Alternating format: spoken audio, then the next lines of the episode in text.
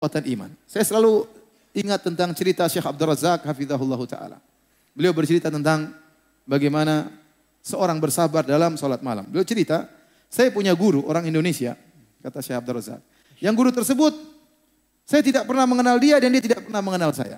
Tetapi saya sering mendoakan dia, meskipun saya tidak kenal dia.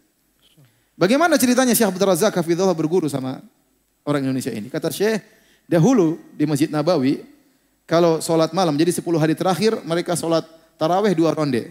Ronde pertama 20 rakaat, ronde kedua 13 rakaat. Sekarang masih terus berlanjut. Tapi bedanya dulu, kalau ronde kedua yang 13 rakaat sampai 3 juz kalau tidak salah. Kalau sekarang cuma satu juz seperempat. Jadi ronde kedua kita sholat dari jam 1 sampai 3 seperempat. Itu saya dapat sejak tahun 2001 waktu saya ke Madinah.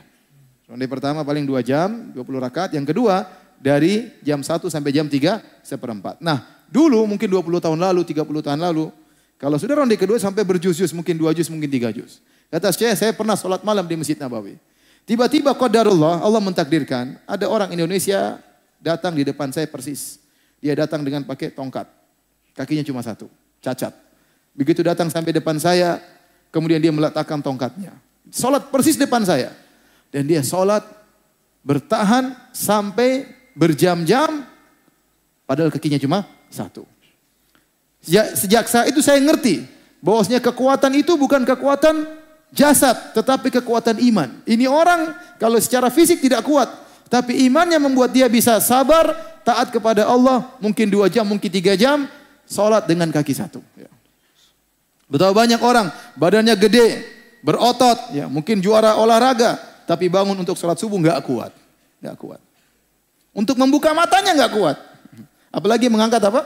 Kepalanya nggak kuat. Jadi kekuatan yang sungguhnya adalah iman. Bukan kekuatan fisik. Kata Syekh sejak saat itu saya sering mendoakan guru saya ini.